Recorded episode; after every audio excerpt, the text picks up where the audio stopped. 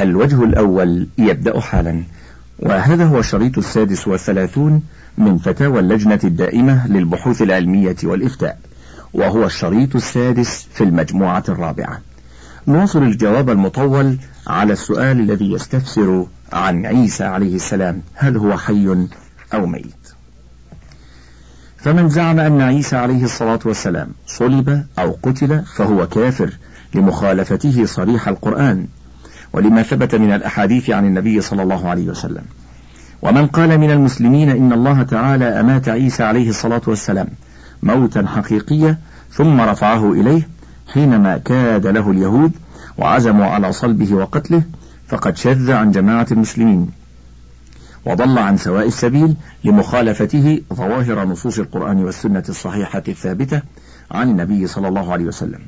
والذي حداهم إلى هذا فهمهم الخاطئ لقوله تعالى إذ قال الله يا عيسى إني متوفيك ورافعك إلي ومطهرك من الذين كفروا حيث فسر التوفي بالإماتة فخالف بذلك ما صح عن السلف من تفسيره بقبض الله إياه من الأرض ورفعه إليه حيا وتخليصه بذلك من الذين كفروا جمعا بين نصوص الكتاب والسنة الصحيحة على رفعه حيا وعلى نزوله آخر الزمان وإيمان أهل الكتاب جميعا وغيرهم به.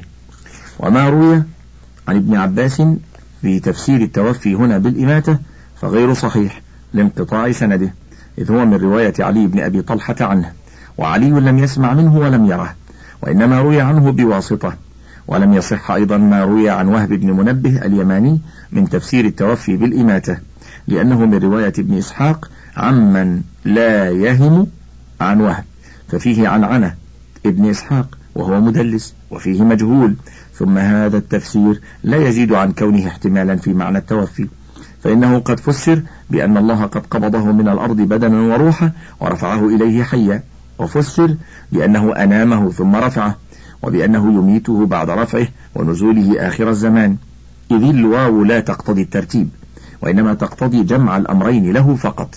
وإذا اختلفت الأقوال في معنى الآية وجب المصير إلى القول الذي يوافق ظواهر الأدلة الأخرى جمعا بين الأدلة وردا للمتشابه منها إلى المحكم كما هو شأن الراسخين في العلم دون أهل الزيغ الذين يتبعون ما تشابه من التنزيل ابتغاء الفتنة وابتغاء تأويله. وكذلك القول في اختلافهم في تفسير قوله تعالى وإن من أهل الكتاب إلا ليؤمنن به قبل موته. فيجب المصير فيه إلى معنى يتفق مع سياق الكلام. وما ثبت من أحاديث نزول عيسى آخر الزمان وإيمان أهل الكتاب جميعا وغيرهم به. جمعا بين الأدلة ومحافظة على مقصد المتكلم من كلامه. فمن نظر إلى هذه الآية مجردة عما قبلها وعن القصد الذي سيقت له وعن الأدلة الأخرى التي وردت في موضوعها وتأولها على معنى لا أحد من أهل الكتاب إلا ليؤمن بالله أو بعيسى قبل موته أي الكتابي فقد خالف ظاهر الآية وسياق الكلام وما ثبت من الأدلة الأخرى في شأن عيسى. وكان بذلك ممن اتبع ما تشابه من المنزل ولم يرده إلى المحكم منه ابتغاء الفتنة وابتغاء تأويله فحق عليه وعيد لمن في قلوبهم زيغ. قال الله تعالى والذي أنزل عليك الكتاب منه آيات محكمات هن أم الكتاب وأخر متشابهات. فأما الذين في قلوبهم زيغ فيتبعون ما تشابه منه ابتغاء الفتنة وابتغاء تأويله. وما يعلم تأويله إلا الله. والراسخون في العلم يقولون آمنا به كل من عند ربنا. وما يذكر إلا أولو الألباب.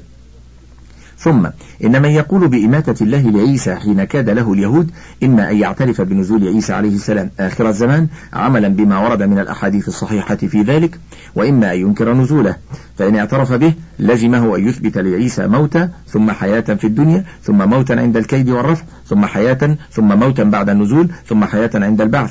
وهذا مخالف بلا دليل لقوله تعالى كيف تكفرون بالله وكنتم أمواتا فأحياكم ثم يميتكم ثم يحييكم ثم إليه ترجعون. ولقوله تعالى قالوا ربنا أمتنا اثنتين وأحييتنا اثنتين فاعترفنا بذنوبنا فهل إلى خروج من سبيل؟ وإن أنكر نزوله بعد رفعه كان رادا للأحاديث الصحيحة المتلقاة بالقبول عند علماء المسلمين. الشاهدة شهادة صريحة بنزوله ودعوته إلى الحق وحكمه به وقتله الخنزير وكسره الصليب إلى آخره. إلى آخر ما ثبت من أحواله بعد نزوله وكلا الأمرين لا مخلص منه إلا بالقول بما قال به أهل السنة والجماعة من إنجاء الله عيسى من كيد اليهود ورفعه إليه بدنا وروحا وإنزاله آخر الزمان حكما عدلا. وبالله التوفيق وصلى الله على نبينا محمد وآله وصحبه وسلم. سؤال هل عيسى ابن مريم حي أو ميت؟ وما الدليل من الكتاب أو السنة؟ السؤال الثاني إذا كان حيا أو ميتا فأين هو الآن؟ وما الدليل من الكتاب والسنة؟ جواب الحمد لله وحده والصلاة والسلام على رسوله وآله وصحبه وبعد. عيسى ابن مريم عليه الصلاة والسلام حي لم يمت حتى الآن ولم يقتله اليهود ولم يصلبوه. ولكنه شبه لهم. بل رفعه الله إلى السماء ببدنه وروحه وهو إلى الآن في السماء. والدليل على ذلك قول الله تعالى في فرية اليهود والرد عليها.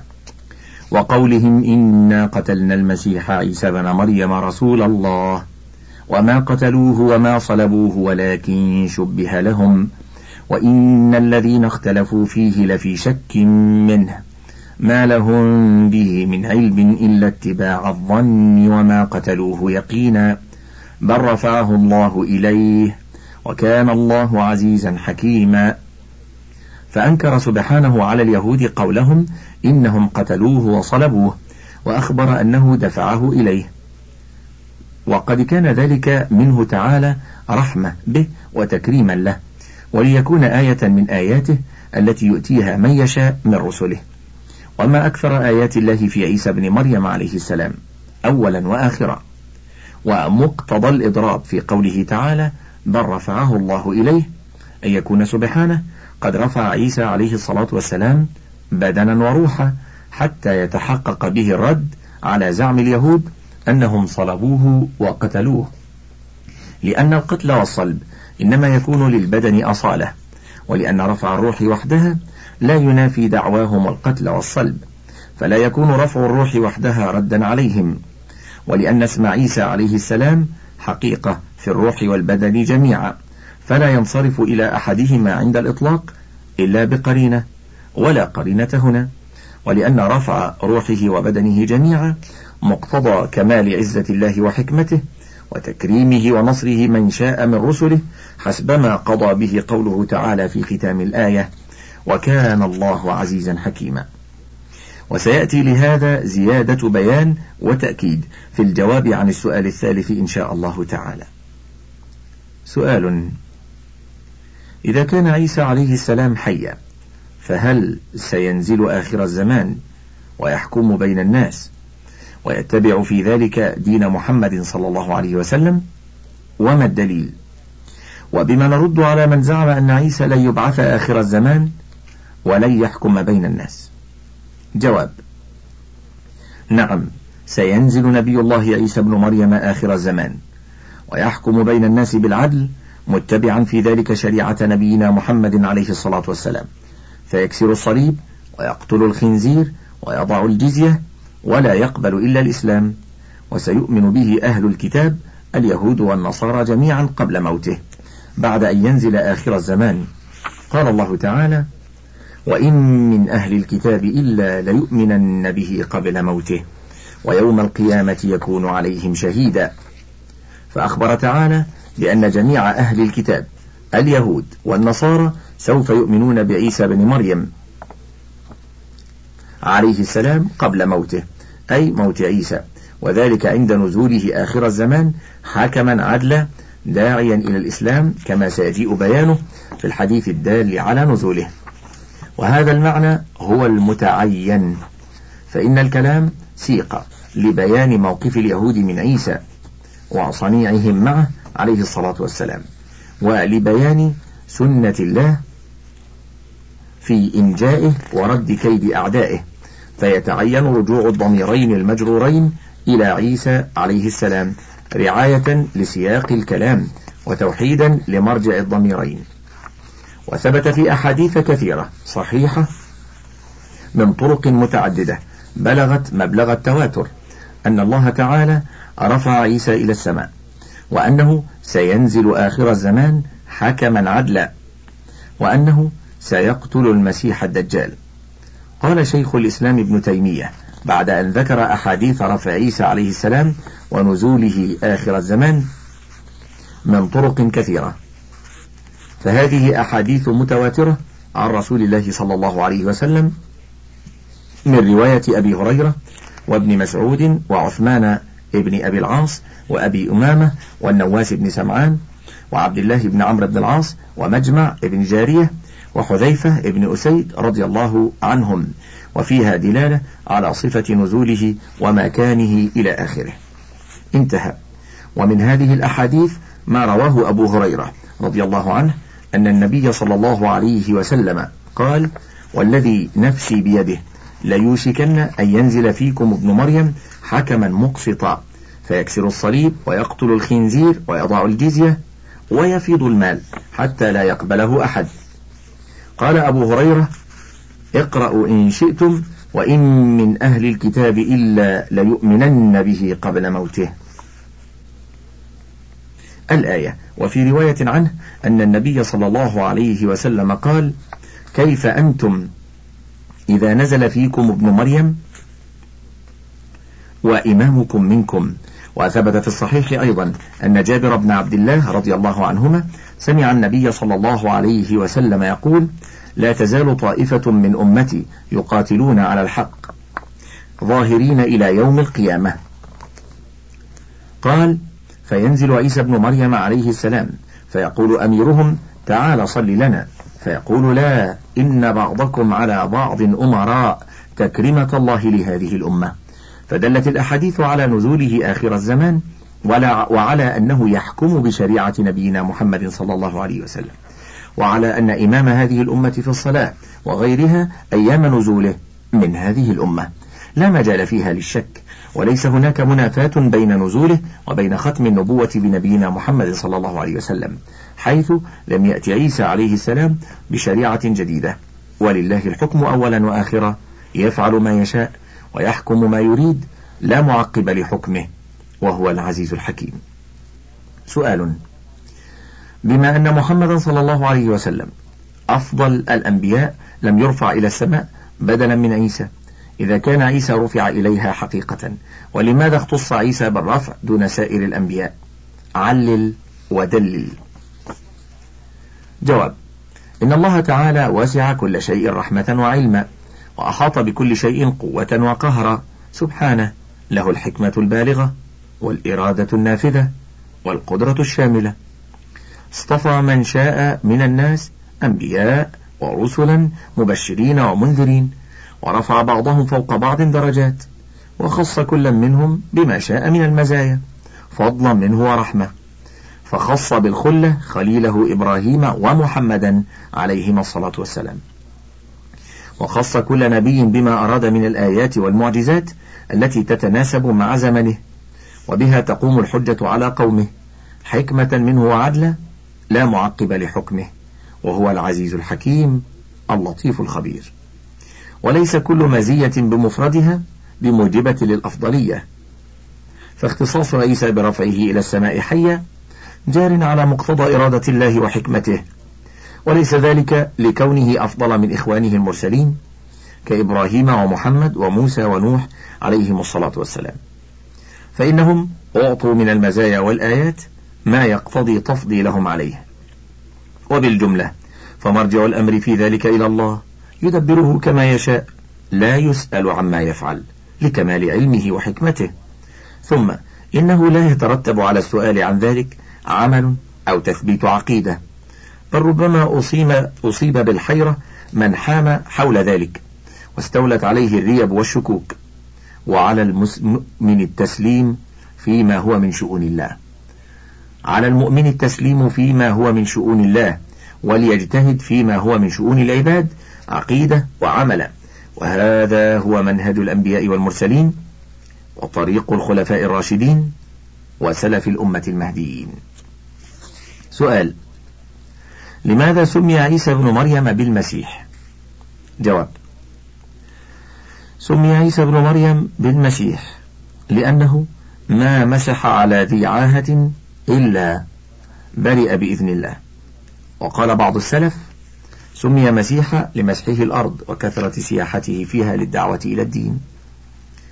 وعلى هذين القولين يكون المسيح بمعنى ماسح.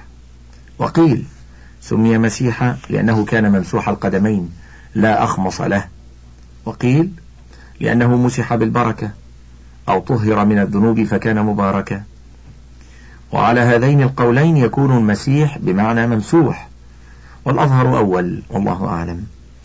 وعلى كل حال لا يتعلق بذلك عقيدة ولا عمل فالجدوى في ذلك ضعيفة أو معدومة. سؤال مع هذه المسألة نصوص يستدل بها القاديانيون على موت عيسى ودفنه. أرجو بيان تلك النصوص للرد عليهم. الآية الأولى قوله تعالى ما المسيح ابن مريم إلا رسول. قد خلت من قبله الرسل وأمه صديقة كانا يأكلان الطعام. الآية. جواب. القصد من هذه الآية الرد على من قال إن الله هو المسيح ابن مريم. ومن قالوا إن الله ثالث ثلاثة. ومن قال إنه ابن الله. ببيان أن عيسى المسيح عليه السلام ليس ربا ولا إله يعبد بل رسول كرمه الله بالرسالة شأنه شأن الرسل الذين مضوا من قبله أجله محدود. لكن لم تبين هذه الآية متى يموت. وقد بينت الأدلة الماضية من الكتاب والسنة أنه رفع حيا وأنه سينزل حكما عدلا ثم يموت بعد نزوله آخر الزمان وحكمه بين الناس. ثم ذكر تعالى أن عيسى وأمه عليهما السلام كانا يأكلان الطعام. فدل بذلك على أنهما ليس إلهين مع الله لحاجتهما إلى ما يحفظ عليهما حياتهما من الطعام. والله تعالى فرد صمد له الغنى المطلق يحتاج إليه كل ما عداه ولا يحتاج هو إلى أحد سواه. يؤيد أن المراد بالآية هو ما ذكر سابقها ولاحقها من الآيات. فقد سبقها آية لقد كفر الذين قالوا إن الله هو المسيح ابن مريم. وآية لقد كفر الذين قالوا إن الله ثالث ثلاثة. وقد ذكر بعدهما النهي عن الغلو في الدين وإنكار عبادة غير الله ولعن من فعل ذلك أو سكت عنه ولم ينكره. ويوضح ذلك أيضا قوله تعالى في سورة الأنعام قل أغير الله أتخذ وليا فاطر السماوات والأرض وهو يطعم ولا يطعم. الآية.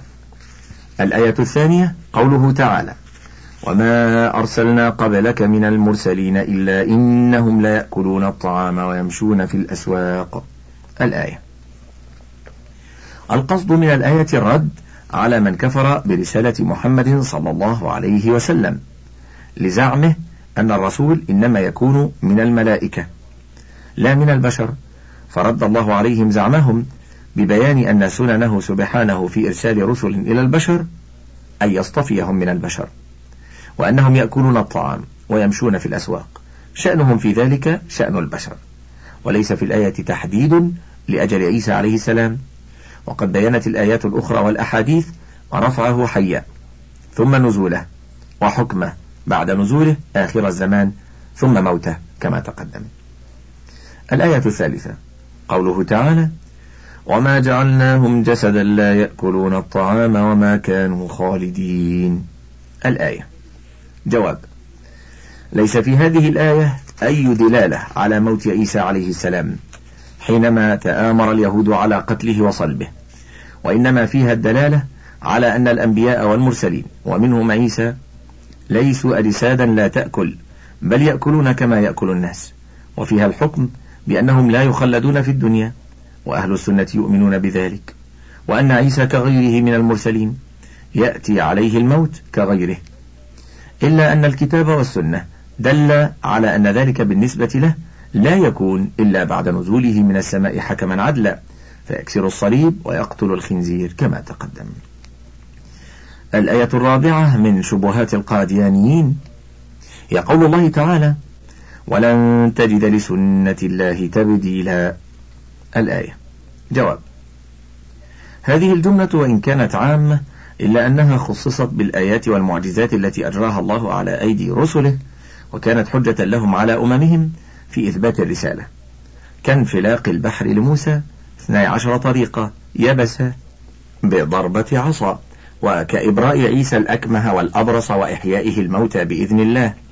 إلى غير هذا مما هو كثير معلوم فرفع عيسى حيا وإبقاؤه قرونا ونزوله بعد ذلك مما استثني من هذا العموم كغيره من خوارق العادات التي هي سنة الله مع رسله ولا غرابة في ذلك.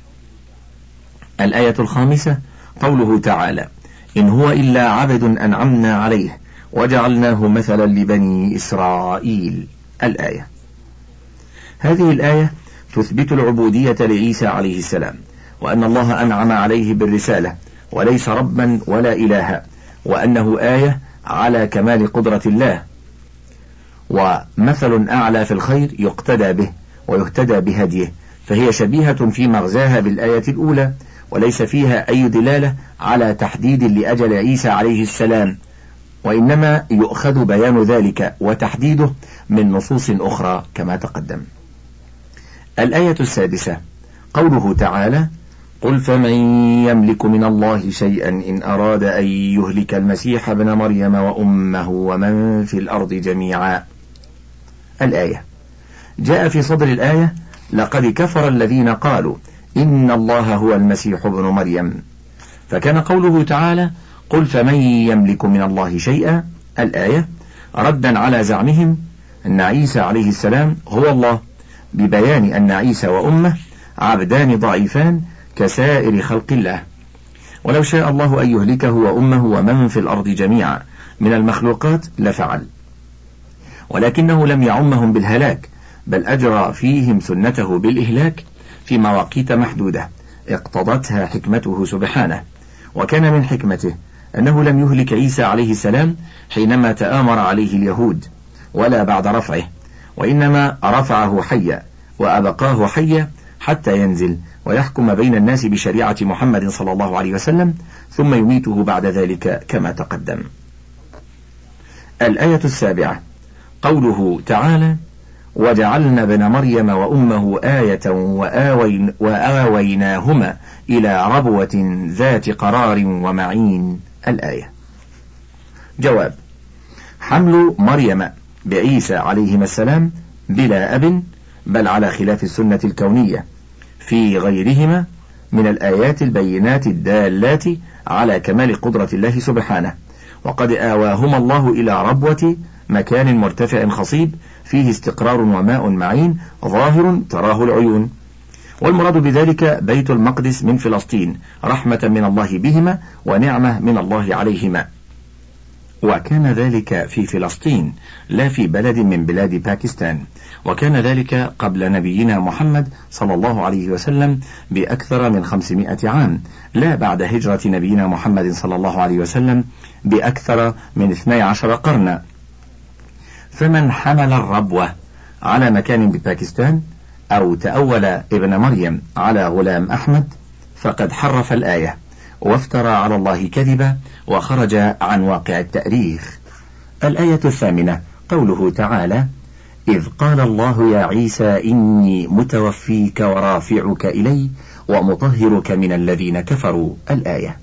جواب استدلال القاديانيين بهذه الآية على موت عيسى عليه السلام فيما مضى مبني على تفسير التوفي بالإماتة وهو مخالف لما صح عن السلف من تفسيره بقبض الله رسوله عيسى عليه السلام من الأرض ورفعه إليه حيا وتخليصه بذلك من الذين كفروا. جمعا بين نصوص الكتاب والسنة الصحيحة الدالة على رفعه حيا وعلى نزوله آخر الزمان وعلى إيمان أهل الكتاب يهود ونصارى جميعا وغيرهم به حين نزوله. أما ما روي عن ابن عباس رضي الله عنهما من تفسير التوفي هنا بالإماتة فلم يصح سنده لانقطاعه إذ هو من رواية علي بن أبي طلحة عنه وعلي لم يسمع منه ولم يره ولم يصح أيضا ما روى عن وهب بن منبه اليماني من تفسير التوفي بالإماتة لأنه من رواية محمد بن إسحاق عمن لم يسمهم عن وهب بن منبه وابن إسحاق هو مدلس وفيه مجهول. ثم هذا التفسير لا يزيد عن كونه احتمالا في معنى التوفي. فإنه قد فسر بمعان ففسر بأن الله قد قبضه من الأرض بدنا وروحا ورفعه إليه حيا وفسر بأنه أنامه ثم رفعه وبأنه يميته بعد رفعه.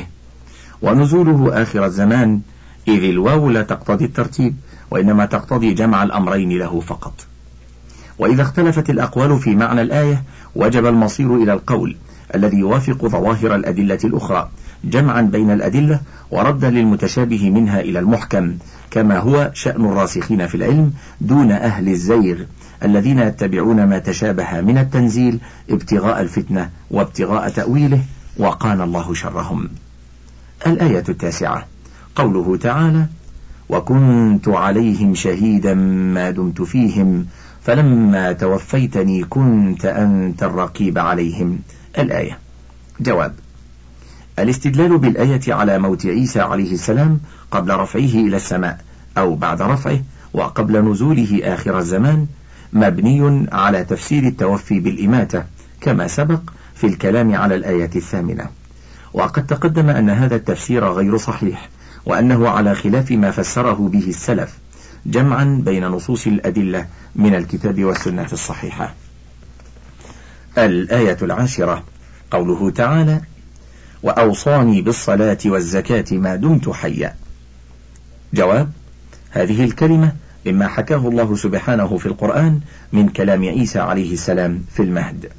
وفيها أنه سبحانه أمره بالصلاة والزكاة ما دام حيا وليس فيها تحديد لحياته ولا بيان لوقت مماته.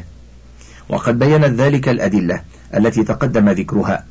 فيجب حمل المجمل على المفصل من النصوص وألا يضرب بعضها ببعض ولا يوقف منها عند المتشابه. فإن جميع ذلك من عند الله يبين بعضه بعضا ويصدق بعضه بعضا. الآية الحادية عشرة. قوله تعالى والسلام علي يوم ولدت ويوم أموت ويوم أبعث حيا. الآية. جواب هذه كالتي قبلها. فيها إثبات السلام والأمن له من الله في كل أحواله. وليس فيها تحديد لمدة حياته ولا لوقت لموته فيجب الرجوع إلى النصوص الأخرى التي تبين ذلك كما تقدم بيانه. الآية الثانية عشرة قوله تعالى: والذين تدعون من دون الله لا يخلقون شيئا وهم يخلقون أموات غير أحياء الآية. هذه الآية سيقت للرد على من عبد غير الله من الملائكة وعزير وعيسى واللات والعزى ومناه ولبيان أنهم لا يخلقون شيئا ما ولو ذبابا بل هم مخلوقون مربوبون أموات غير أحياء ولكن الأدلة الأخرى دلت على بقاء عيسى عليه السلام حيا حتى ينزل ويحكم بين الناس بشريعة محمد صلى الله عليه وسلم ثم يموت. الآية الثالثة عشرة قوله تعالى: قولوا آمنا بالله وما أنزل إلينا وما أنزل إلى إبراهيم وإسماعيل وما أنزل إلى إبراهيم وإسماعيل وإسحاق ويعقوب والأسباط وما أوتي موسى وعيسى وما أوتي النبيون من ربهم لا نفرق بين أحد منهم ونحن له مسلمون. جواب: هذه الآية أمر الله فيها بالإيمان بجميع الأنبياء وما أنزل إليهم من ربهم وبين أنه سبحانه لا يفرق بينهم في وجوب الإيمان بهم وبما أنزل إليهم من الله. وفي هذا رد على اليهود والنصارى الذين قالوا كونوا هودا أو نصارى تهتدوا. وبيان لما أجمل في الرد عليهم من قوله تعالى لنبيه محمد صلى الله عليه وسلم قل بل ملة إبراهيم حنيفا وما كان من المشركين. وليس المراد الأمر بعدم التفريق بينهم في الموت والحياة فإن هذا لا يرشد إليه سياق الكلام بل يرشد إلى ما ذكرنا. كما أن ذلك مما لم تدع إليه الرسل فحمل الآية عليه تحريف لها عما سيقت له من المعنى. ويبقى هنا تقدير حمل قوله لا نفرق بين أحد منهم على عمومه حتى يشمل عدم التفريق بينهم في جنس الموت والحياة. فدليل الواقع والنصوص يدل على التفاوت بينهم في كثير من صفات الموت والحياة وأنواعها وزمانها ومكانها وطول العمر وقصره إلى غير ذلك. فلتكن حياة عيسى وامتدادها طويلا ومكانها وموته بعد ذلك مما اختلف فيه عن إخوانه النبيين بدليل النصوص السابقة.